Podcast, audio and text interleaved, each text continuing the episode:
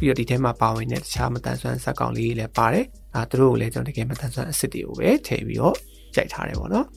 အကုန်လုံးဒီပါပဲအကုန်လုံးပဲဆိုတော့အကုန်လုံးကဒါတရုပ်ဆောင်အစ်စ်တွေမဟုတ်တဲ့သူတွေပေါ့နော်ပိုပြီးကြီးကြီးကြကြပြောရရင်တော့ကျွန်တော်ရဲ့မိတ်ဆွေတွေကျွန်တော်နဲ့ပတ်သက်တဲ့တငယ်ချင်းတွေကျွန်တော်တိုင်ဝမ်တွေကလူတွေပေါ့နော်ကျွန်တော်အဲ့လိုမျိုးတွေကျွန်တော်ဆွဲခေါ်ပြီးတော့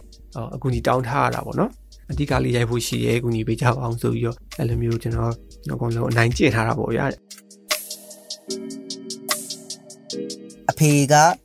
ဆယ်တန်းအောင်ရင်တော်ပြီပေါ့လို့ပြောလိုက်တဲ့အချိန်မှာကျွန်တော်ကဝမ်းနေရမယ်အပန်းကိုကျွန်တော်တိုးဆောင်ရမယ်ဝမ်းနေရမယ်ဆိုတော့ကျွန်တော်ကအဲအပျော်ကနေပြီးတော့ဝမ်းနေရတဲ့အပိုင်းကိုကျွန်တော်ကာရီတာချင်းရမှာဖြစ်တဲ့အတွက်ကြောင့်အဲ့မှာအဲ့အချင်းပေါ့အဲ့ဒါယူတတိစိတ်ထဲမှာတတိထားပြီးတော့အော်ဒီလိုမျိုးပြောဦးရလို့ရှိရင်အဖေပြန်ပြောဦးရရင်ငါဝမ်းနေရမယ်ဆိုပြီးတော့အဲ့လိုမျိုးတတိထားပြီးတော့ကျွန်တော်တိုးဆောင်တဲ့အချိန်မှာပဲဟိုစိတ်ကလော်ပြီးပြောတာပေါ့နော်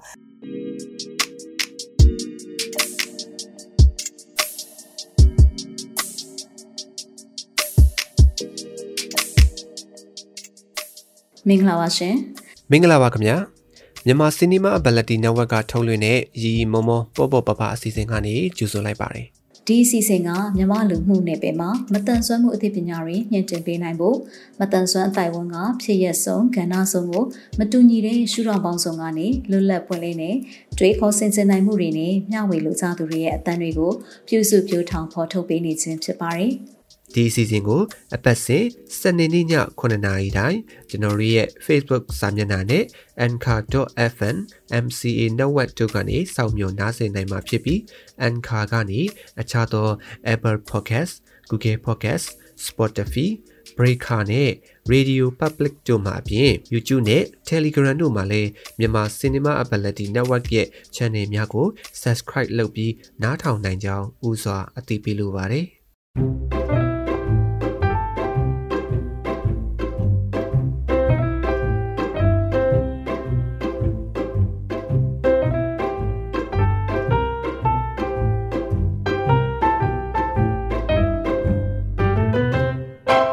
ရီမမောပေါ်ပပပေါ့ကတ်စီစဉ်ကိုနားဆင်နေကြတဲ့ချင်းမိတ်ဆွေများအားလုံးပဲမင်္ဂလာပါခင်ဗျကျွန်တော်ကတော့ကိုပြေးပါအဲ့တော့ဒီတစ်ပတ်ရဲ့ episode လေးမှာကျွန်တော်တို့ကြိုတင်ကြေညာထားတဲ့အတိုင်းပဲအဲကျွန်တော်ရိုက်ကူးခဲ့တဲ့ဒီမတန်ဆွမ်းမှုအသိပညာပေးဇလန်တိုလီတစ်ပုဒ်ဖြစ်တဲ့ခွင့်တူညီမျှဆိုတဲ့ဇလန်တိုလီနဲ့ပတ်သက်ပြီးတော့အဲကျွန်တော်တို့ရဲ့အတွေ့အကြုံတွေအမတရားတွေနောက်ဒါကြုံခဲ့ရတဲ့အခက်အခဲလေးတွေပေါ့ဗျာဒါလေးတွေကိုဒီနေ့မှာဒါဆွေးနွေးပေးတာမှာဖြစ်ပါတယ်အဲ့တော့ဒီနေ့စီစဉ်မှာဆိုလို့ရှိရင်လည်း ကျွန်တော်နဲ့အတူတူဒီကားလေးထဲမှာဒါပါဝင်သရုပ်ဆောင်ထားတဲ့ကိုရင်ကမတန်ဆွမ်းသူကိုပြဖြိုးဝေကနေပြီးတော့မှလည်းသူ့ရဲ့သရုပ်ဆောင်ခဲ့ရတဲ့နော်အတူအကြုံတွေအမှတ်တရတွေဒါလေးတွေကိုလည်းပြောပြပေးသွားမှာပဲဖြစ်ပါတယ်ဗျအားလုံးပဲမင်္ဂလာပါကျွန်တော်နာမည်ပြဖြိုးဝေလို့ခေါ်ပါတယ်ကျွန်တော်က6လသားအရွယ်မှာပိုလီယိုကာကွယ်ဆေးထိုးပြီးညာဘက်ခြေတော်တစ်ဖက်မတန်ဆွမ်းဖြစ်နေသူတစ်ယောက်ပါ လက်ရှိမှာကျွန်တော်ကဖြိုးမြစ်တာမော်တာစပိန်မော်တာဆိုင်ကယ်မတန်ဆွမ်းသုံးသုံးမိန်မော်တာဝူချဲများကိုကိုယ်တိုင်ထုတ်လုပ်ပြုပြင်ရောင်းချတဲ့လုပ်ငန်းကိုလုပ်ကိုင်နေပါတယ်ခင်ဗျာ။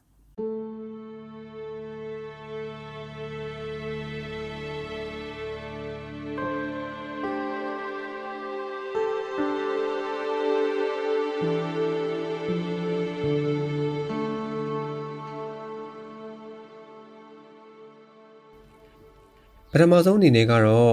ဒီကားလေးဒါကျွန်တော်တို့ရိုက်ကူးဖြစ်ခဲ့တဲ့အကြောင်းလေးကိုပေါ့နော်အရင်ဆုံးလေးကျွန်တော်ပြပြပေးချင်ပါတယ်ဒီမြန်မာနိုင်ငံမတန်ဆွမ်းသူများရှေ့ဆောင်အဖွဲ့မီလီကနေပြီးတော့မှဒါစီစဉ်ရိုက်ကူးထုတ်လုပ်ခဲ့တာဖြစ်ပါတယ်အဲ့တော့မီလီကနေပြီးတော့မှကျွန်တော်တို့မတန်ဆွမ်းမှုသိပညာပေးဇလန်တိုလေးတွေကိုလည်းကျွန်တော်တို့ဟိုးလွန်ခဲ့တဲ့2012လောက်ကလေးကနေပြီးတော့မှပေါ့နော်ဒါရိုက်ကူးလာခဲ့တာတွေရှိပါတယ်ဆိုတော့ဟိုအစကတော့ဒီဘီ တန်ဆမှုသိပညာပေးဇလန်းတူလေးရိုက်ကြမယ်ပေါ့ဆိုပြီးဆွေးနွေးကြတဲ့အခါမှာဘယ်လိုကြောင်းရမျိုးတွေရိုက်ကြမလဲဆိုပြီးတော့မှအာတစ်ဖက်ကလည်းဒါစီမံချက်ရဲ့သဘောတဘာဝအရာပေါ့နော်ဒါစီမံချက်ကအာသွားခြင်းနဲ့ဟိုလမ်းကြောင်းတစ်ခုရှိရပေါ့နော်ဆိုတော့အဲဒီဒီလမ်းကြောင်းအပေါ်ကနေပြီးတော့မှကျွန်တော်တို့ကဘယ်လိုအကြောင်းအရာမျိုးနဲ့ပေါ့နော်ဘယ်လိုပုံစံလေးတွေရိုက်ကြမလဲဆိုတာမျိုးလေးကျွန်တော်ဝိုင်းဝန်းဆွေးနွေးကြတဲ့အခါမှာမတန်ဆွမ်းသူတွေရဲ့ပညာရေးနဲ့ပတ်သက်တာရယ်ပြီးတော့မတန်ဆွမ်းသူတွေနဲ့ လောက်ကင်ခွင်လန်းနဲ့ပတ်သက်တာရယ်ဒါလေးတွေရိုက်ဖို့ကျွန်တော်တို့အကြောင်းဖန်လာတယ်ပေါ့နော်ဆိုတော့အခုပြောပြတဲ့ဒီခွင့်တူညီများဆိုတဲ့ဇလန်တူလေးကတော့ဒါမတန်ဆွမ်းသူတွေရဲ့ပညာရေးနဲ့ပတ်သက်တဲ့ဒါဇလန်တူလေးဖြစ်တယ်ပေါ့နော်ကျွန်တော်နောက်တစ်ခါဒီတန်ဆွမ်းသူတွေရဲ့အလောက်ကင်ခွင်လန်းနဲ့ပတ်သက်တဲ့ဒါဇလန်တူလေးတခါလည်းရှိသေးတယ်ဒီအောင်လည်းကျွန်တော်နောက်ပိုင်းမှာအာကျွန်တော်တို့ episode တစ်ခုအနေနဲ့ပေါ့နော်တင်ဆက်ပေးသွားဖို့ရှိပါတယ် အဲ့တော့ဒီကားလေးကဒါပညာရေးလို့ပြောတဲ့ခါကျတော့ကျွန်တော်ဒီ UNCRPD လို့ခေါ်တဲ့ကမ္ဘာကုလသမဂ္ဂမတန်ဆွမ်းသူများအခွင့်အရေးဆိုင်ရာသဘောတူစာချုပ်ဒီစာချုပ်ထဲမှာပါဝင်တဲ့အပိုက်24ပေါ့နော်အပိုက်24ကဒါပညာရေးနဲ့ပတ်သက်တဲ့အပိုက်ဖြစ်ပါတယ်အဲ့ဒီမှာမှအပိုက်ခွဲ2ကကြီးပေါ့နော်ဆိုတော့အဲ့ဒီမှာဘာဖော်ပြထားလဲဆိုတော့ဒီမတန်ဆွမ်းသူများအား၎င်းတို့၏မတန်ဆွမ်းမှုကိုအကြောင်းပြု၍ပညာရေးစနစ်မှခြံလက်ထားခြင်းမခံရစေရန်နှင့် မတန်ဆွမ်းကလေးငယ်များကိုလည်းအခမဲ့မတင်မနေရမူလာတန်းပညာရေးသို့မဟုတ်အလယ်တန်းပညာရေးမှခြံလက်ထားခြင်းမခံရစေရန်ဆောင်ရွက်ပေးရမည်လို့ဖော်ပြထားတာရှိပါတယ်ဆိုတော့ကျွန်တော်တို့ကဒီ UNCRPD Article 24အပိုက်ခွဲနှစ်ကာကြီးအရာပေါ့နော်ဒီခွင့်တူညီများဆိုတဲ့ဇလန်တူလေးကိုဖန်တီးဖို့ကျွန်တော်တို့အကြောင်းဖန်လာတယ်ပေါ့နော်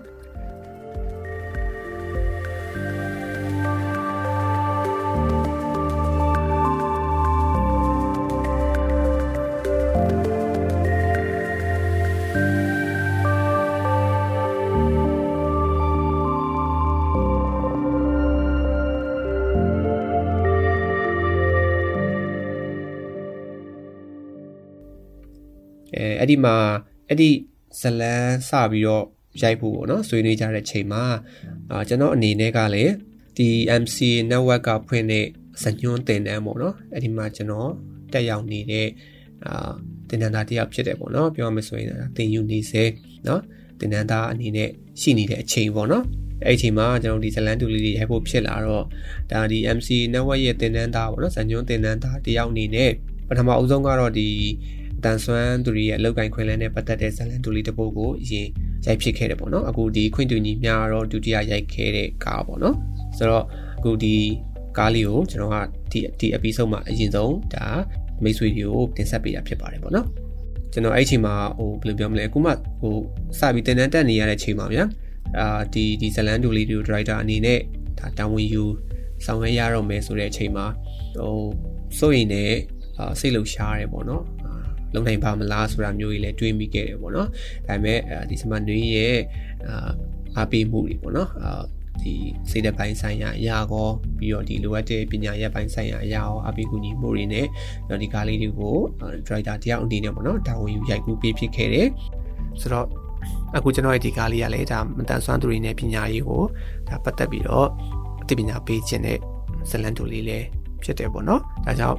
အာကျွန်တော်တို့ မိတ်ဆွေတွေချိန်ရတယ်ဆိုလို့ရှိရင်ဒီကားလေးကိုဝင်ပြီးတော့ကြည့်ပေးပါဦးအခု post မှာလည်းကျွန်တော် link လေးချပေးထားပါတယ်အဲ့တော့ကျွန်တော်တို့ဇာတ်လမ်းလေးကိုဆက်လိုက်အောင်ပေါ့နော်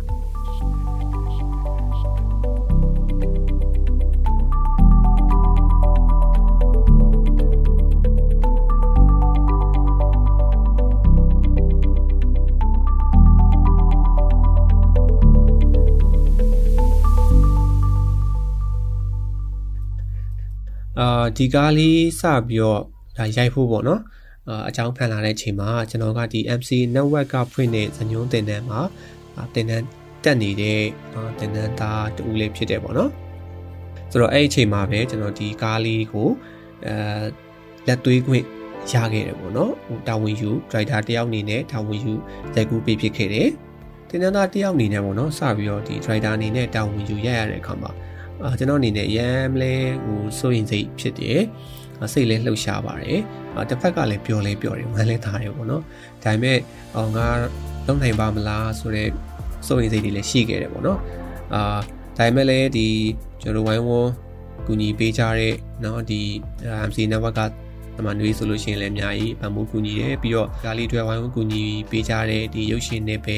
အတီးတီးရပေါ့နော်ကျွန်တော်တို့ပညာရှင်တွေနောက်ဒီ ကျွမ်းကျင်သူတွေပေါ့နော်ကျွမ်းကျင်သူတွေအာအဲ့ထက်မှကျွန်တော်ထက်တန်ငယ်ရာကြီးလည်းပါတယ်တက်ကြီးရာကြီးလည်းပါတယ်ဆိုတော့အတက်ငယ်ကြီးမဲ့လည်းကျွန်တော်ထက်ဒီရုပ်ရှင်မှာအတွေ့အကြုံရှိတယ်နော်ကျွမ်းကျင်တယ်ဆိုလို့ရှိရင်လည်းဒါကျွန်တော်တို့ကလေးလာစီးပူးခဲ့ရတာပဲပေါ့နော် တော့ဒါလေးတွေလည်းကျွန်တော်အမြဲအာအမှတ်ရနေပါတယ်ပြီးတော့ကိုကြီးပေးခဲ့ကြတဲ့အာအများကြီးပဲဗျဒီထဲမှာဆိုလဲ cameraman နေနော် lighting နေ editing နေနောက်ပြီးတော့ mentor တွေအများကြီးပဲဘိုင်ဝတ်ကူညီပေးခဲ့ကြတဲ့သူတွေပေါ့နော်ပြီးတော့ဒီတရုပ်ဆောင်နေ location နေရာတွေအကုန်လုံးကိုလည်းကျွန်တော်ဒီအပီအပီစုံလေးကနေပြီးတော့မှဒါကျေးဇူးတင်ကြောင်းကိုလည်းဒါမှတ်တမ်းတင်ချင်ပါတယ်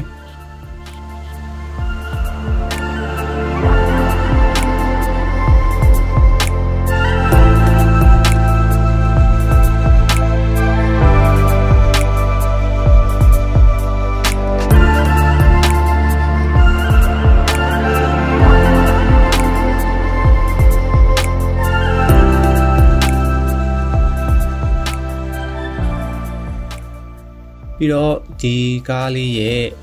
ဇလန်းကပေါ့နော်ဇလန်းကတော့ဒါကျွန်တော်တို့ရဲ့ဆရာဆရာကောင်ကိုမြင့်ဖြစ်ပါတယ်အဲသူ့ရဲ့ဇလန်းပေါ့နော်အဲ့တော့သူ့ရဲ့ဇလန်းကိုမှကျွန်တော်ကစညွန်းပြန်ရေးတယ်စညွန်းပြန်ခွဲတယ်ပြီးတော့ဒရိုက်တာအနေနဲ့တာဝန်ယူရိုက်ဖြစ်ခဲ့တယ်ပေါ့နော်အဲ့တော့ဒီဇလန်းလေးရဲ့အကြောင်းအရာကဒါအာမိသားစုတစုပေါ့နော်မိသားစုရှိရဲ့အဖေရဲ့မိရဲ့ဒါရဲ့ပေါ့နော်အဲဒါကတော့မတန်ဆွမ်းသူပေါ့နော် အဲဒီနေ့သားလုပ်တဲ့သူကဆယ်အောင်နေဆယ်အောင်တဲ့အခါမှာဝန်တာပြီးတော့ဒါဟိုသူတက်တုံပေါ့နော်စက်တက်ခြင်းနဲ့သူရဲ့အိမ်မက်ပေါ့နော်ဒါကိုသူရဲ့ဖခင်ပြောပြတယ်အဲ့ရှိမှာဖခင်ဖြစ်တဲ့သူကအာဆယ်အောင်ရင်တော်ပြီပေါ့နော်တက္ကသိုလ်စက်တက်တော့ဘာထူးမှလဲဆိုတော့စကားနဲ့ဒါသားဖြစ်သူရဲ့အိမ်မက်တွေကိုရိုက်ချိုးခဲ့တယ်ပေါ့နော်ဆိုတော့ပြောချင်တာကမတန်ဆွမ်းဖြစ်နေတယ် ဒါကြောင့်မင်းတက္ကသိုလ်စက်တက်လဲဘာမှထူမှာမဟုတ်ဘူးเนาะအလုပ်ကိုင်းခွင့်လန်းဒီဘာမှရလာမှာမဟုတ်တော့10တန်းအောင်ယုံတော်ပြီ10တန်းအောင်ယုံထားပေးခဲ့ပြီးတော်ပြီကျင်းနေလိုက်တော့ဆိုတဲ့သဘောမျိုးပေါ့ဗျာ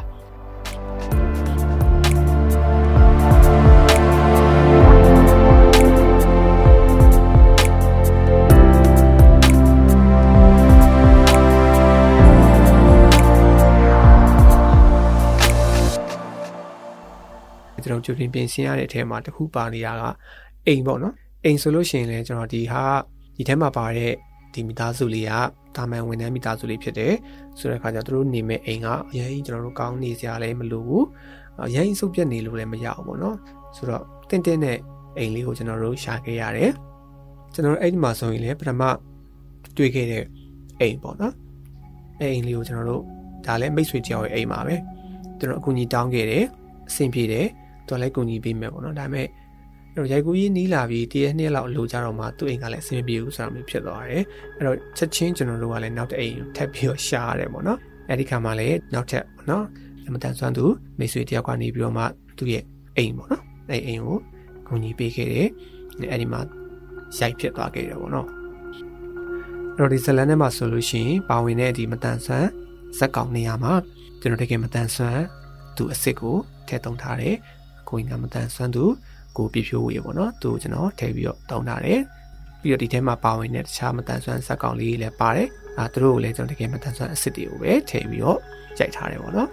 အဲအကုန်လုံးဒီပါပဲအကုန်လုံးပဲဆိုတော့အကုန်လုံးကဒါတရုပ်ဆောင်အစ်စ်တွေမဟုတ်တဲ့သူတွေပေါ့နော်ပိုပြီးကြီးကြကြပြောရရင်တော့ကျွန်တော်ရဲ့မိတ်ဆွေတွေကျွန်တော်နဲ့ပတ်သက်တဲ့တငယ်ချင်းတွေကျွန်တော်တိုင်ဝမ်တွေကလူတွေပေါ့နော်ကျွန်တော်အဲ့လိုမျိုးတွေကျွန်တော်ဆွဲခေါ်ပြီးတော့အကူကြီးတောင်းထားရတာပေါ့နော် အဓိကလေးရိုက်ဖို့ရှိရဲကူညီပေးကြပါအောင်ဆိုပြီးတော့အဲ့လိုမျိုးကျွန်တော်အကုန်လုံးအနိုင်ကျင့်ထားတာပေါ့ဗျာအနိုင်ကျင့်ပြီးဆွဲခေါ်ပြီးတော့မှအဲ့ဒါကျွန်တော်ဒီကားလေးထဲမှာပါဝင်ဖို့အတွက်အဲသူတို့အကူညီတောင်းထားတော့ပါဝင်ပေးကြတဲ့အာဒီမိတ်ဆွေငယ်ချင်းတွေကလည်းဟိုကူညီပေးကြတယ်ပေါ့နော်အာနောက်ဆုံးဘယ်လောက်ထိအောင်လဲဆိုရင်ဒီထဲမှာပါဝင်တဲ့ဒီမိခင်နေရာကအာတရုပ်ဆောင်နေရာအတွက်ဆိုရင်လည်းကျွန်တော်ရဲ့ အမေပေါ့နော်ကျွန်တော်ရဲ့အမေကိုယ်တိုင်ကိုပဲကျွန်တော်ကဝင်ပြီးတော့ဒါတင်ဆောင်ခိုင်းခဲ့ရတယ်ပေါ့နော်ဆိုတော့ဒီလိုအနေထားရင်းနဲ့ဒါအကောင်းဆုံးဖြစ်အောင်ကျွန်တော်တို့ကြိုးစားခဲ့တယ်ပေါ့နော်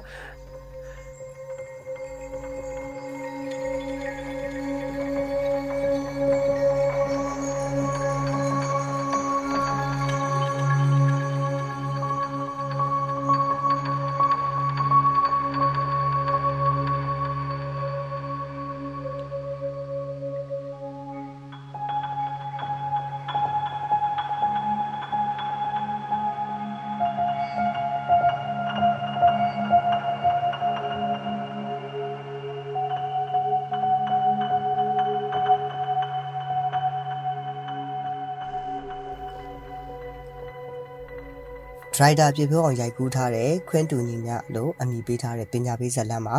ကျွန်တော်အဓိကတယောက်ဆောင်အနေနဲ့ပါဝင်ခဲ့ရပါတယ်အဲတယောက်ဆောင်ရတဲ့အပိုင်းမှာကျွန်တော်တွေ့ကြုံခဲ့တဲ့အတွေ့အကြုံဆိုရင်တခါမှတော့ဒီလိုမျိုးပညာပေးဇာတ်လမ်းမျိုးရိုက်ဖူးတာမျိုးတော့မရှိဘူးပထမဦးဆုံးရိုက်ခဲ့ရခြင်းဖြစ်တယ်အဲ့တော့အရင်ကတော့ကျွန်တော် MTV တချင်းမှာတိုးဆောင်ရိုက်ခဲ့ဘူးတယ်ပေါ့နော်ဒါပေမဲ့ MTV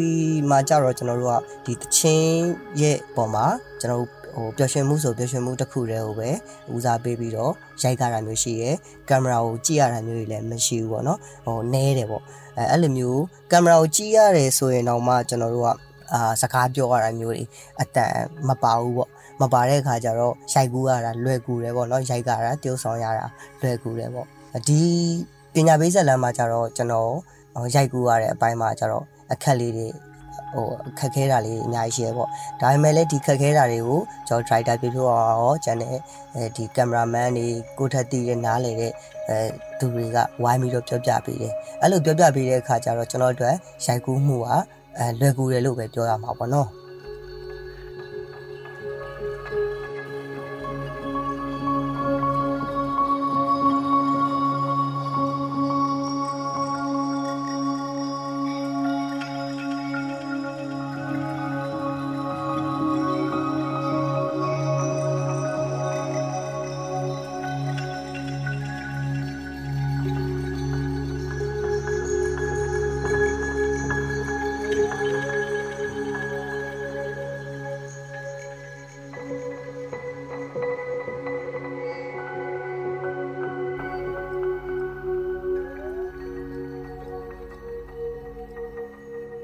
အကုန်လုံးကတေးဥဆောင်အစ်စ်တွေမဟုတ်ဘူးเนาะတခါမှလည်းတေးဥဆောင်ဘူးတဲ့သူတွေမဟုတ်ကြဘူးဆိုရင်ပဲဒီကားလေးမှာအကုန်လုံးကကြိုးစားပြီးတော့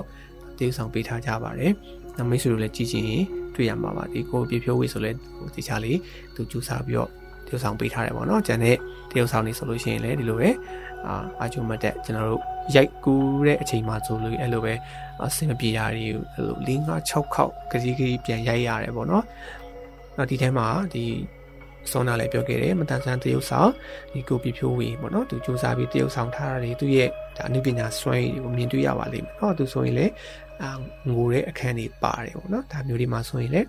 စူးစမ်းပြီးတော့သူငိုငိုပေးတယ်ပေါ့နော်တရုပ်ဆောင်ပေးတယ်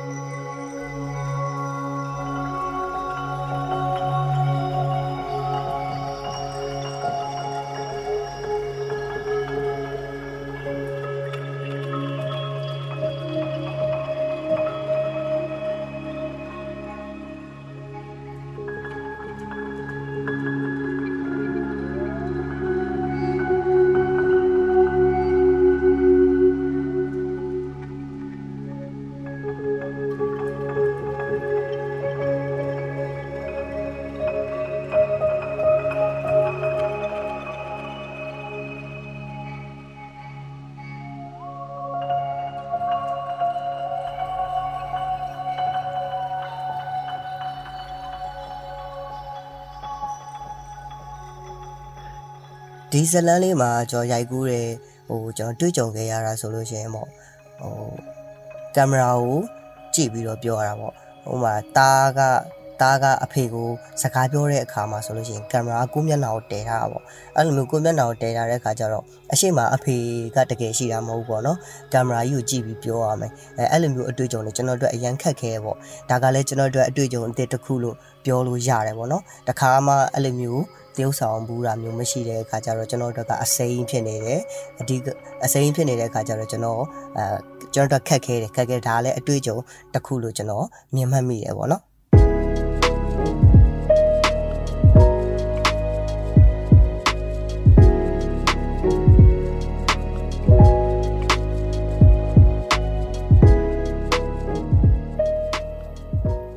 အချို့ဆိုရင်အဲ့လိုဂျိုင်းတောင်းနဲ့အာ အမတယောက်ပါတယ်ဗောနော်ဂျိုင်းတောင်းနဲ့မတန်ဆွမ်းအမတယောက်ပါတယ်အဲသူကဒီဘွဲယူဖို့ဗောနော်ဘွဲယူဖို့ဒါသူရဲ့အာအိမ်ကမိသားစုတယောက်နဲ့ပေါ့နော်ဘွဲယူဖို့အတွက်သူသွားနေတဲ့အခန်းပေါ့နော်အဲအခန်းမှာဆိုလို့ရှိရင်လည်းသူကဂျိုင်းတောင်းနဲ့ဘွဲဝစ်စုံနဲ့အဲ့လိုလမ်းလျှောက်လာတယ်အခန်းဒီမှာအဲ့လိုအခန်းဒီမှာအာတိုင်ပင်မကြိုက်လို့ပေါ့နော်တိုင်ပင်မကြိုက်လို့ပြန်ပြီးတော့မှ၄၅6ခေါက်လောက်ပြန်လျှောက်ခိုင်းရတာမျိုးတွေရှိရဒါမျိုးတွေမှာဆိုရင်လေဟိုဂျိုင်းတောင်းနဲ့ အဲ့လိုမျိုး၄၅6ခေါက်လောက်ပြန်လျှော့ရတဲ့အခါမှာဘယ်လိုပဲဖြစ်ဖြစ်ပင်ပန်းတာပေါ့ဗျာကျွန်တော်ကပြင်မှာလဲအနေပူလေးရိုက်ကြတယ်ဆိုတဲ့အခါမှာလဲပင်တော့ပင်ပန်းကြတာပေါ့ဒါပေမဲ့ဟိုအဲ့လိုမျိုးမငြီးမညူပေါ့နော်ကျွန်တော်ကိုကူညီပေးကြတယ်ရိုက်ပေးကြတယ်ပေါ့နော်အဲ့တော့ဒီထဲမှာပါဝင်တဲ့တရုပ်ဆောင်တွေအကုန်လုံးလည်းကျေးဇူးတင်ပါတယ်အာပြီးတော့ဒီ crew ပေါ့နော်အာပြီးတော့ဒီကျွန်တော်ရဲ့ဒီရိုက်ကူးရေးအတွက်ပေါ့နော်အာဒီဝိုင်းဝန်းပြီးတော့ ရိုက်ပေးကြတယ်ကူညီပေးကြတဲ့အဖွဲ့သူအဖွဲ့သားတွေပေါ့နော်အဖွဲ့သူအဖွဲ့သားတွေအာကင်မရာမန်တွေ lighting တွေ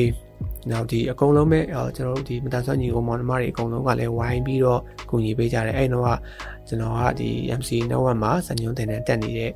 အချိန်ဖြစ်တော့တခြားသောကျွန်တော်နဲ့အတူတူတက်နေတဲ့မတန်ဆွမ်းညီကိုမောင်နှမတွေလည်းရှိတယ်သူတို့ကနေပြီးတော့မှလည်းဒီမှာမှတ်တမ်းသမားနေရာကတော့၎င်းပေါ့နော်အာဒီ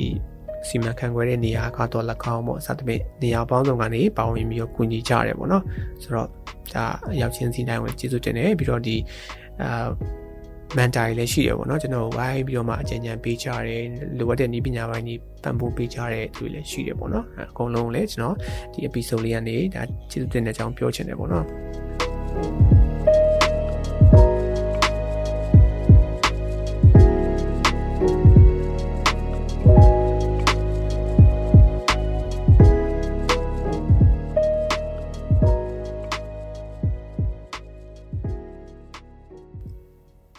ဇလန်ထဲမှာဆိုရင်ဗျာကျွန်တော်ကအာကျွန်တော်က10တန်းစာမှုပဲအောင်လို့ဟိုအောင်ချင်းသွားကြည့်ပြီးပြန်လာတယ်ပြန်လာတဲ့အချိန်မှာအာဒီအိမ်ပေါဝါမှာအဖေနဲ့အမေကိုអော်ခေါ်ပြီးတော့10တန်းစာမှုပဲအောင်တဲ့အကြောင်းကိုပြောတယ်ပြောတဲ့အချိန်မှာအဖေကအာကျွန်တော်ကိုဟိုအဖေကိုမေးလိုက်တယ်ဗောနော်အဖေကိုမေးလိုက်တယ်အဖေအဖေသားတက္ကသိုလ်ဆက်တက်ရမှာလားလို့မေးလိုက်တဲ့အချိန်မှာအဖေကတားရဲ့10တန်းအောင်ရင်တော်ပြီပေါ့လို့ပြောလိုက်တဲ့အချိန်မှာအာကျွန်တော်ကအာဝမ်းနေသွားတာပေါ့အဲ့တော့ ဟိုဘယ်လိုပြောရလဲဆိုတော့ကျွန်တော်10တန်းဆောင်ဝဲအောင်လို့ပျော်လာပြီးတော့အိမ်ကိုပြန်လာတယ်ဒါပေမဲ့အဖေပြောလိုက်တဲ့စကားကြောင့်ကျွန်တော်ဝမ်းနေသွားတယ်အာအဲ့ဒီမှာဆိုလို့ရှိရင်ကျွန်တော်ကျွန်တော်တို့အခက်ဆုံးပေါ့အဲ့မှာကျွန်တော်ကျွန်တော်ရဲ့စိတ်ခံစားချက်ကိုချိန်လိုက်ရတာပေါ့နော်ချိန်လိုက်ရတဲ့အပျော်ကနေပြီးတော့ဝမ်းနေတဲ့အပိုင်းကိုချိန်လိုက်ရတဲ့အခါမှာဟိုအရန်ကက်ခဲ့တယ်ပျော်လာပြီးတော့မှကျွန်တော်ကအဖေပြောလိုက်တဲ့စကားတစ်ခွန်းကြောင့် ကျွန်တော်တက်ကတူဆက်တက်ခွင့်မရတော့ဘူးမရတော့တဲ့ခါကျတော့ကျွန်တော်ကဝမ်းနေရမယ်အပိုင်းကိုတိုးဆောင်ရတော့မှချက်ချင်းပြောင်းလိုက်ရမှာပေါ့နော်ကိုယ့်ရဲ့စိတ်ခံစားချက်ကိုလည်းချက်ချင်းပြောင်းလိုက်ရမယ်ကိုယ့်ရဲ့မျက်နှာအမူအရာကာရီတာအစကျွန်တော်ကပြောင်းလဲပြစ်လိုက်ရတယ်ပေါ့နော်အဲ့ဒါကျွန်တော်တို့အခက်အခဲဆုံးအတွေ့အကြုံလို့ကျွန်တော်ထင်တယ်ဒါကလေးကျွန်တော်တို့အတွေ့အကြုံကောင်းတစ်ခုလို့ကျွန်တော်သတ်မှတ်တယ်ပေါ့ဒီဇလန်းကိုရေးထားလဲအရန်ကောင်းတယ်လို့ကျွန်တော်မြင်တယ်ပေါ့နော်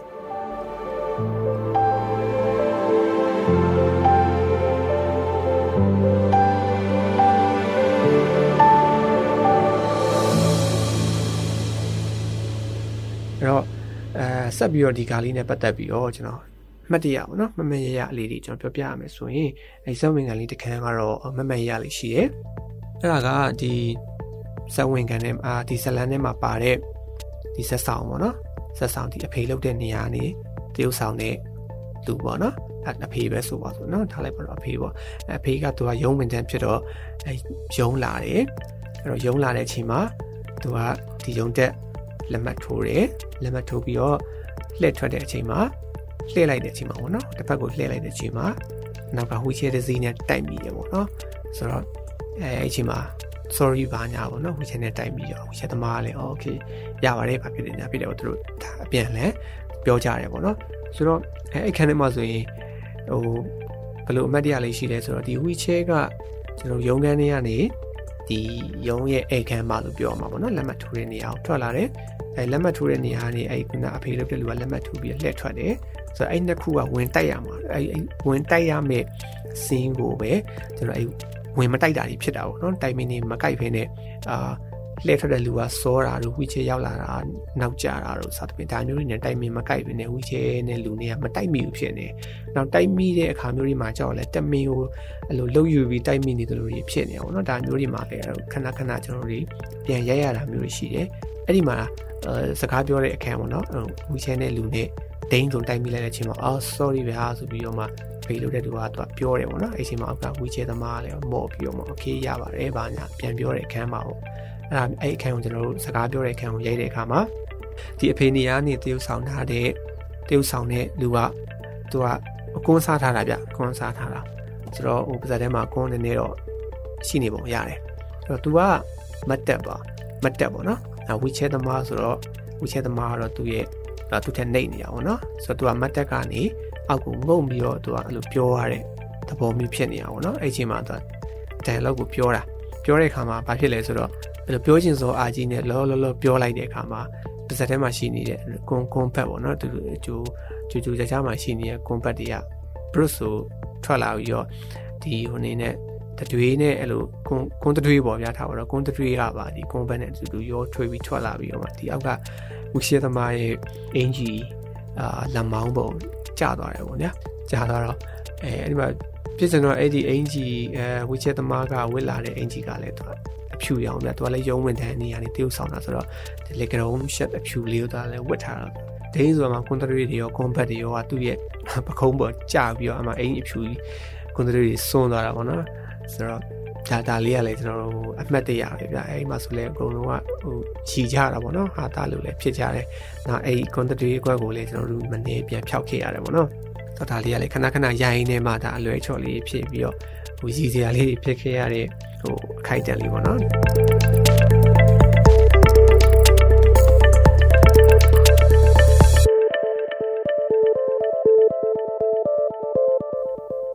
အာအလွဲအမှတ်တရအများရှိတယ်အဲအဲ့အလွဲအမှတ်တရလည်းအဲ့ဒီကတ်မှာပဲအဖေကဆယ်တန်းအောင်ရင်တော်ပြီပေါ့လို့ပြောလိုက်တဲ့အချိန်မှာကျွန်တော်ကဝမ်းနေရမယ်အပန်ကိုကျွန်တော်တိုးဆောင်ရမယ်ဝမ်းနေရမယ်ဆိုတော့ကျွန်တော်ကအဲအပျော်ကနေပြီးတော့ဝမ်းနေရတဲ့အပိုင်းကိုကျွန်တော်ကာရီတာချင်းရမှာဖြစ်တဲ့အတွက်ကြောင့်အဲ့မှာအဲ့အချင်းပေါ့အဲ့ဒါယူတတိစိတ်ထဲမှာတတိထားပြီးတော့အော်ဒီလိုမျိုးပြောဦးရလို့ရှိရင်အဖေပြန်ပြောဦးရရင်ငါဝမ်းနေရမယ်ဆိုပြီးတော့အဲ့လိုမျိုးတတိထားပြီးတော့ကျွန်တော်ကတုပ်ဆောင်တဲ့အချိန်မှာပဲ ဟိုစိတ်ကလောပြီးပြောတာပေါ့နော်အဖေသားတက္ကသိုလ်ဆက်တက်ရမှာလားလို့မေးတာကိုလောပြီးတော့ပြောလိုက်တာအဖေသားစက်ကတူဆက်တက်ရမှာလားဆိုတော့တက္ကသိုလ်နဲ့စက်ကတူနဲ့အဲ့လိုမျိုးလွဲမားနေတော့အဲ့လိုအလွဲအလွဲလေးတွေပေါ့နော်အကုန်လုံးဝိုင်းကြည့်ရပေါ့အလွဲအမှတ်တရလေးတွေလည်းရှိခဲ့တာပေါ့နော်နောက်တစ်ခုကကျတော့အာ အဲ့မှာပေါ့နော်အဖေပြောလိုက်ပြီးတော့စိတ်ဆိုးသွားပြီးတော့ကျွန်တော်တငယ်ချင်းတွေရှိသွားတယ်ပေါ့တငယ်ချင်းတွေရှိသွားပြီးတော့တငယ်ချင်းတွေစကားတော့ပြောတယ်တော့ပြောတဲ့အချိန်မှာအဖေကကျွန်တော်ကိုတက်တူဆက်တက်ဖို့အတွက်ပြောဖို့ဆိုပြီးတော့အိမ်ကနေလိုက်ရှာအဖေနဲ့မိနဲ့လိုက်ရှာပြီးတော့ကျွန်တော်ကိုတွေ့တဲ့အချိန်မှာအဖေကကိုနာရောက်လို့ရှိရင်ကိုကအဖေနဲ့မျက်နှာချင်းမဆိုင်ရင်လို့ထွက်သွားရမယ်အဲဒီကက်ကလေးပေါ့အဲ့ကက်ကလေးမှဆိုရင်အဖေကကိုရှိမရောက်သေးဘူးကိုကအရင်ထွက်သွားဖို့အရင်ခြေလမ်းနေပြင်ပြီးအရင်ထွက်ထွက်သွားတာ အဲ့ဒီခန်းဆိုခဏခဏပြန်ပြန်ရိုက်ရတယ်ပေါ့နော်ဟိုပြောရမယ်ဆိုအဖေကမလာသေးဘူးကိုကအရင်စိတ်ဆိုးနေတဲ့ပုံစံဖြစ်နေဟိုအဖေကကိုကိုနာကိုမရောက်သေးဘူးကိုကအရင်ထွက်သွားတာပေါ့အဲ့ဒီခန်းလေးဆိုလည်းခဏခဏပြန်ရိုက်ရတဲ့အလွဲလေးတွေပေါ့နော်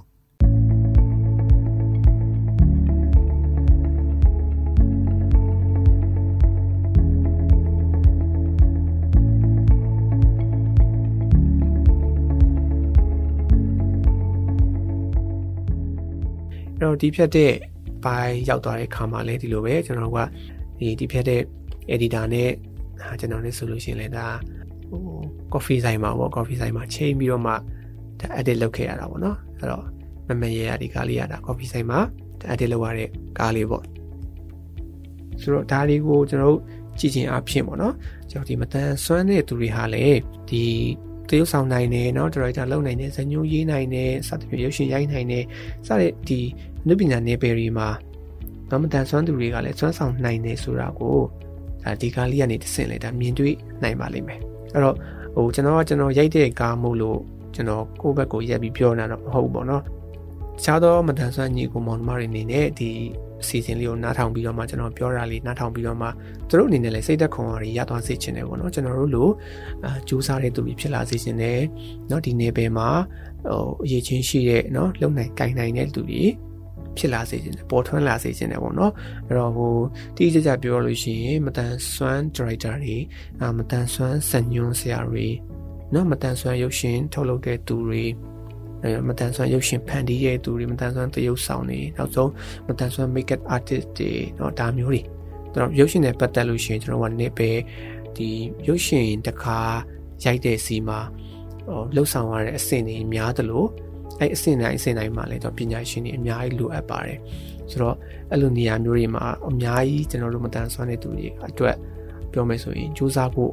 เนาะစူးစမ်းဖို့နေရာတွေအများကြီးရှိစူးစမ်းဖို့အခွင့်အလမ်းတွေလည်းရှိနေပြီเนาะဒီချိန်မှာဆိုရင်အဲ့တော့ အော်စူးစမ်းဖို့เนาะစူးစမ်းစေခြင်းနဲ့စူးစမ်းဖို့လည်းကျွန်တော်အနေနဲ့တွန်းအားပေးခြင်းနဲ့ပေါ့နော်အာ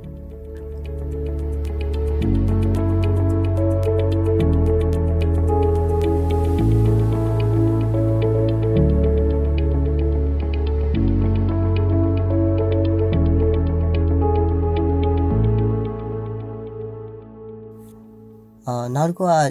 ဟိုကျွန်တော်ခံစားရတဲ့အပိုင်းလေးတွေပေါ့ခံစားရဆိုအဲ့ဒီမှာကျွန်တော်ကဒီဇလန်းအရာဆိုရင်ကျွန်တော်အဖေရောအမေရောရှိရဲပေါ့တကယ်တော့ကျွန်တော်ကအပြင်လက်တွေ့ဘဝမှာကျွန်တော်6တန်းနှစ်လောက်မှာတကယ်တာပေါ့နော်ကျွန်တော်အဖေနဲ့အမေနဲ့စီးပွားရေးအခြေအနေကြောင့်ကွဲကွာသွားတယ်ပေါ့အဲ့ဒီအချိန်ကနေပြီးတော့စပြီးတော့ကျွန်တော်ဒီဇလန်းမရိုက်ခင်အထိကျွန်တော်အဖေအမေဆိုတာစုံစုံညီညီခေါ်ခွင့်မရခဲ့တာဟိုတော်တော်လေး ဟိုကြားခဲ့ပြီပေါ့နော်ဒီဇလန်လေးရိုက်တဲ့အချိန်မှာကျွန်တော်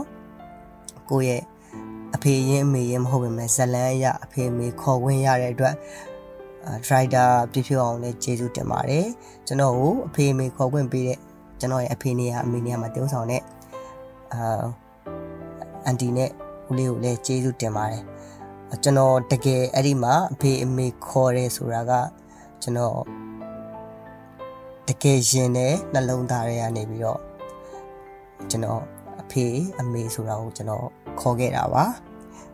အော်ကျွန်တော်အဖေအမေခေါ်ခွင့်ရလို့လဲအော်ကျွန်တော်ကျေးဇူးအများကြီးတင်ပါတယ်ဒါကျွန်တော်ရဲ့အာကြီးမားဆုံးခံစားချက်လို့လည်းပြောလို့ရတယ်ပေါ့နော်အဲကျွန်တော်မှအဖေအမေခေါ်ခွင့်မရခဲ့တာတော်တော်ကြာခဲ့ပြီဖြစ်ဖြစ်တယ်အာ ဒါမဲ့ဒီဇလန်ထဲမှာကျွန်တော်ခေါ်ဝင်ရတယ်တကယ်ကိုရင်ထဲကနှစ်နှစ်ကကကိုရဲ့အဖေရင်အမေရင်လို့သဘောထားပြီးကျွန်တော်ခေါ်ခဲ့ခြင်းဖြစ်တယ်ပေါ့အဲ့ဒါတော့ကျွန်တော်တို့ခံစားရဆုံးအာခံစားချက်လေးပေါ့နော်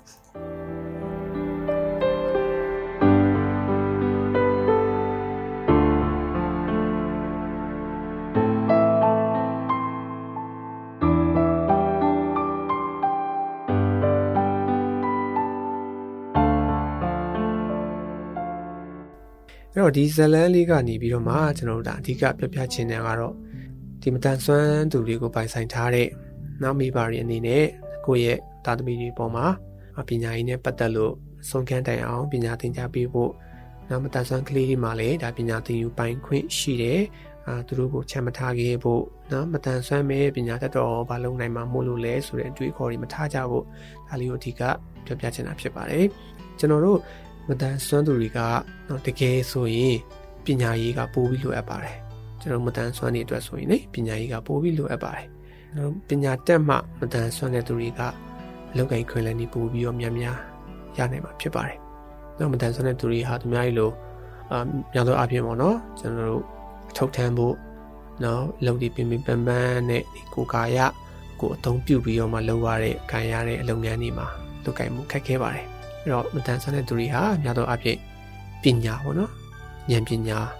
ဒါတွေကိုကျွန်တော်သုံးချပြီးတော့မှအလုပ်ကိုင်လုပ်ရမှာဖြစ်ပါတယ်အဲ့တော့ပညာလို့ဆိုတဲ့နေရာမှာအတန်းပညာနဲ့ဒါလှူစားတာမျိုးတွေရှိတယ်เนาะအတန်းပညာတက်မြောက်ပြီးတော့မှဒါလောက်ကိုင်ရတဲ့လုပ်တွေရှိသလိုနောက်ဒီအတန်းမွေးဝမ်းကြောင်းပညာရက်ပေါ့နော်အတန်းမွေးဝမ်းကြောင်းပညာရက်တစ်ခုခုနဲ့เนาะဒီနည်းအားဖြင့်အသက်ပညာအသက်ပညာတစ်ခုခုနဲ့ဒါ လောက်ကင်စားတောက်ကြတဲ့မတန်ဆွမ်းသူတွေလည်းရှိတယ်ပေါ့နော်အဲ့တော့ပညာရေးကတကယ်ကျွန်တော်တို့မတန်ဆွမ်းတဲ့သူတွေအတွက်အမှန်တကယ်ကိုလိုအပ်ပါတယ်အရေးလည်းကြီးပါတယ်အဲ့တော့အဓိကဒီအခြေခံအုတ်မြစ်ဖြစ်တဲ့နောက်ပညာရေးကိုမတန်ဆွမ်းသူတွေအတွက်လည်းဒါထဲသွင်းစဉ်းစားပြီးပါအမိဘတွေအနေနဲ့ကလည်းဒါမတန်ဆွမ်းသားသမီးတွေကိုပညာသင်ပေးပါနော်ပြီးတော့ဒီမတန်ဆွမ်းသူကိုယ်တိုင်ကလည်းပညာသင်ဖို့မကြောက်ပါနဲ့မရှက်ပါနဲ့စူးစမ်းသင်ယူကြပါလို့ကျွန်တော်အနေနဲ့ဒါတိုက်တွန်းချင်ပါတယ်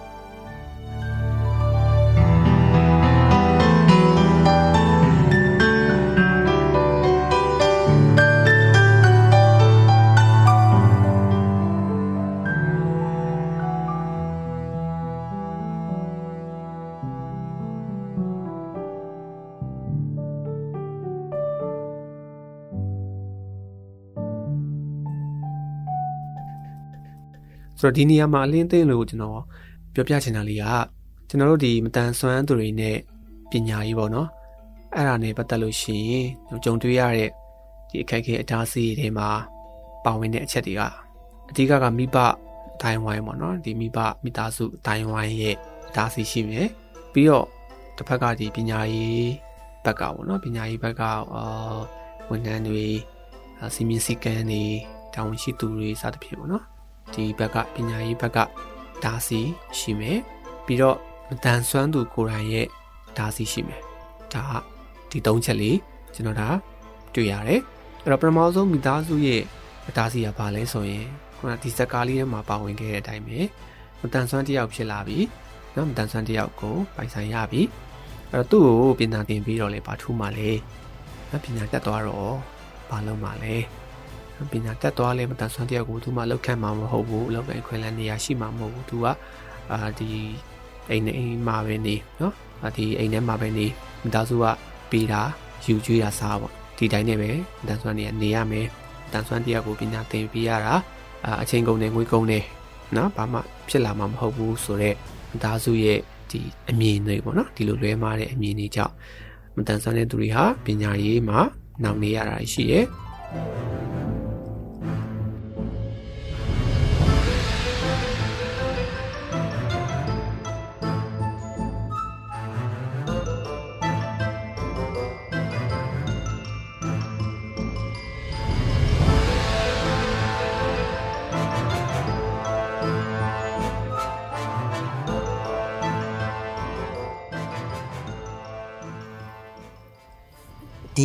တူညီများဆိုရဲဇလန်လေးကအရန်ဟိုခံစားရတယ်ပေါ့ခံစားရတယ်ဆိုတာဟိုအရင်တုန်းကဆိုလို့ရှိရင်အရင်တော့လူကြီးတွေမိဘတွေကကျွန်တော်တို့မတန်ဆွမ်းနေဆိုရင်ဟိုပညာမှာဘလောက်ပဲတော်တော်ကျွန်တော်တို့ကဘာမှလုပ်လို့ရမှာမဟုတ်ဘူး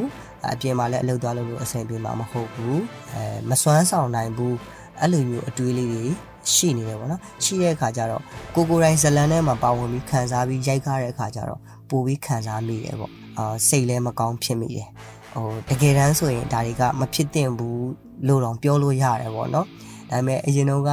ဟိုလူကြီးတွေကအမြင်မကျယ်ဘူးလို့ပဲပြောရမယ်ပေါ့အဲ့လိုအပိုင်းလေးတွေပါတယ်ပေါ့နော်အဲ့တော့ဟိုတကယ်ခံစားရပါတယ်ဒီဇလန်နဲ့ပတ်သက်ပြီးတော့ကျွန်တော်မတန်ဆွမ်းနေ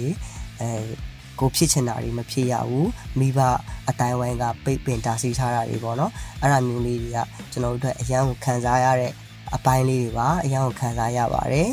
ဟောတကယ်တမ်းဆိုကျွန်တော်တို့ကလည်းမတန်ဆွမ်းဆိုပေမဲ့လူတွေကလူပဲဖြစ်တဲ့အတွက်ကြောင့်ကျွန်တော်တို့မှလည်းလုံနိုင်တဲ့စွမ်းအားရှိသည်၍ကျွန်တော်တို့လုံလုံနိုင်တာကိုကျွန်တော်တို့လုံခွင့်ပေးစီခြင်းနဲ့ပေါ့ဒီဇလန်လေးကလည်းအဲ့လိုမျိုးလေးတွေလောက်ခွင့်ရဖို့အတွက်ကိုပညာပေးထားတဲ့ဇလန်မျိုးလေးလည်းဖြစ်တယ်ပေါ့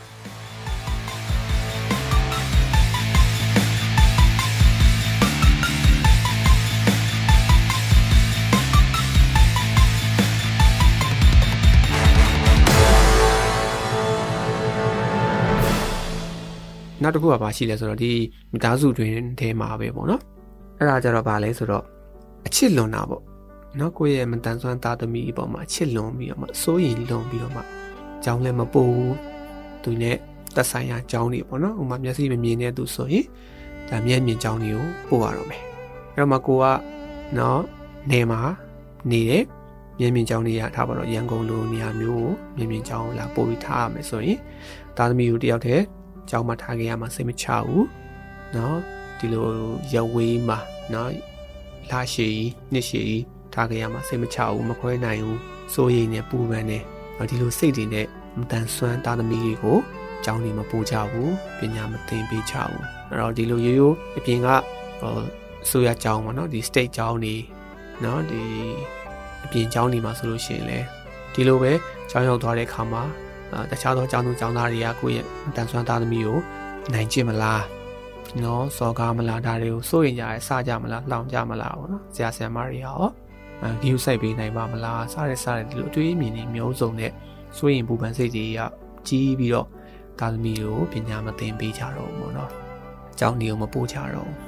အဲ့လိုနဲ့ပဲမတန်ဆွမ်းတဲ့သူတွေကပညာရည်နဲ့ဝေးကွာခဲ့ရတယ်ပေါ့နော်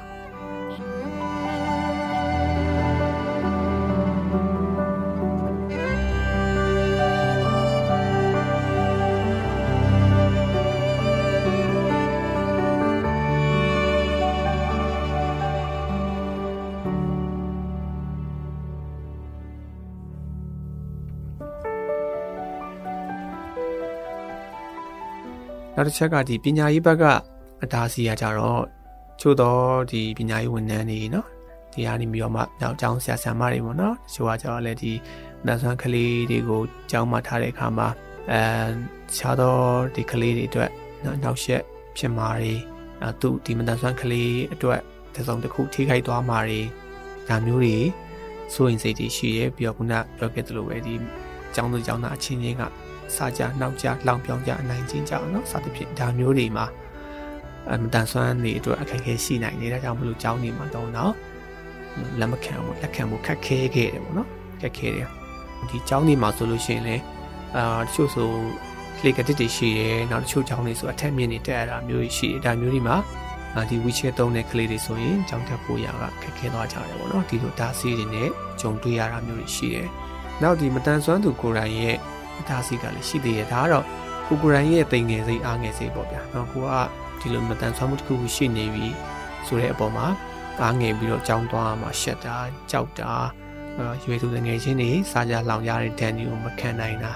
ဒါမျိုးတွေနဲ့အကြောင်းမတက်ချင်တော့ဘူးပေါ့နော်အကြောင်းတက်ချင်စိတ်မရှိတော့ဘဲနဲ့ဒီပညာရေးနဲ့ဝေးကွာခဲ့ရတဲ့မတန်ဆွမ်းသူတွေလည်းရှိတယ်ပေါ့ဆိုတော့ဒါဒီလိုဒီလို အကြောင်းရင်းတွေကြောင့်ပေါ့နော်မတန်ဆွမ်းသူတွေဟာဒါပညာရေးနဲ့ဝေးကွာခဲ့ရတယ်နှောင့်နှေးခဲ့ရတယ်အဲ့တော့အဲ့တော့မတန်ဆွမ်းသူအများစုဟာဆိုရင်အတန်ပညာပြီးဆုံးအောင်ပြီးမြောက်အောင်တင်ယူနိုင်ခြင်းမရှိကြတဲ့သူတွေများတယ်ပေါ့နော်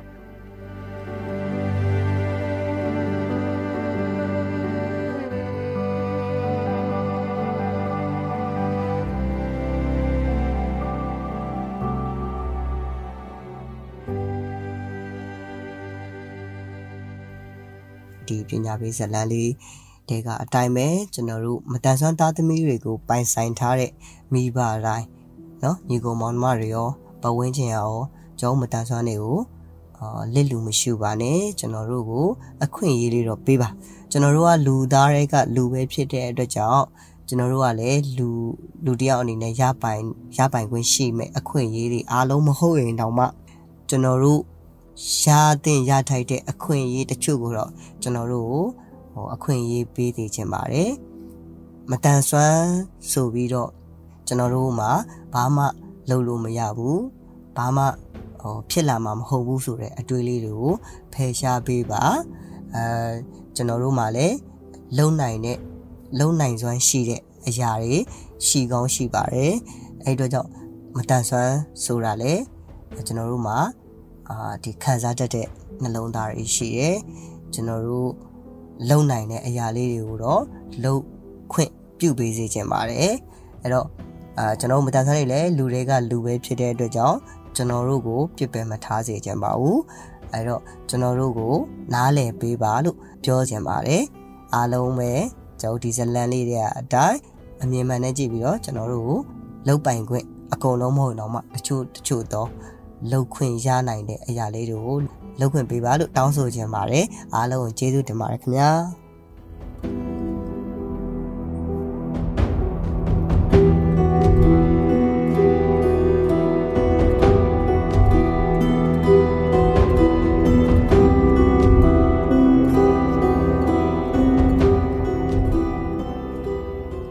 ဟုတ်ကဲ့ပါအခုဒီ episode လေးကိုနောက်ဆုံးထိနားဆင်ပေးခဲ့တဲ့အတွက်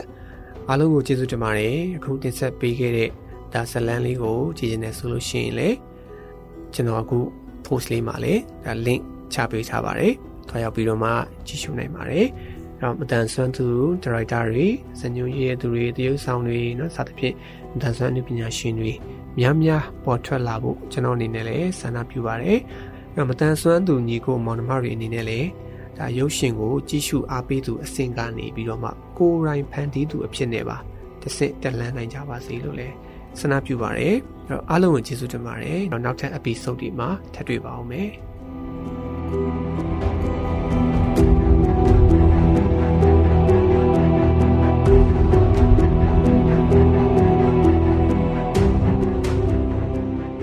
ဒီစီစဉ်ကိုမိတ်ဆွေတို့အနေနဲ့အစအဆုံးနားထောင်ပြီးပြီဆိုရင်တော့မိမိတို့ရဲ့သဘောထားမှတ်ချက်များကို Anchor မှာအတန်နဲ့စာနှမျိုးလုံးနဲ့ဖြစ်စေ Facebook မှာစာနဲ့တပ်ပုံနှမျိုးလုံးနဲ့ဖြစ်စေပေးနိုင်ပါပြီနော်ဒီ season နဲ့ပတ်သက်ပြီးမိတ်ဆွေတို့ရဲ့မှတ်ချက်ပေးခြင်းအကြံဉာဏ်ပေးခြင်းမေးမြန်းခြင်းတို့ကိုလည်းအထူးပဲဖိတ်ခေါ်ပါရစေ မိမိတို့ရဲ့ပူပေါင်းတင်ဆက်မှုအတွက်ဒါမှမဟုတ်စုံစမ်းမေးမြန်းမှုအတွက်မြန်မာ cinemability@gmail.com ဒါမှမဟုတ်တင်ဆက်သူများရဲ့ Viber နံပါတ်များဖြစ်တဲ့ကိုပြေ39 261256 493နဲ့မနွေ39 941559899တို့ကိုဆက်သွယ်ဆောင်ရွက်နိုင်ပါတယ်။မိတ်ဆွေတို့အနေနဲ့ဒီအစီအစဉ်ကိုမတိသေးသူများတိဖို့လိုအပ်နေသူများ မတန်ဆွမ်းရေးကိုမိမိတို့ရဲ့လုပ်ငန်းခွင်အသီးသီးမှာထည့်သွင်းဆောင်ရွက်ဖို့စိတ်ပါဝင်စားသူမိသူကိုမဆိုထက်ဆင့်ဝေမျှပေးရင်နဲ့တရင်ကောင်းပါနိုင်ပါတယ်။မြန်မာပြည်သူပြည်သားအားလုံးမတန်ဆွမ်းမှုအသိပညာတွေတိုးပွားက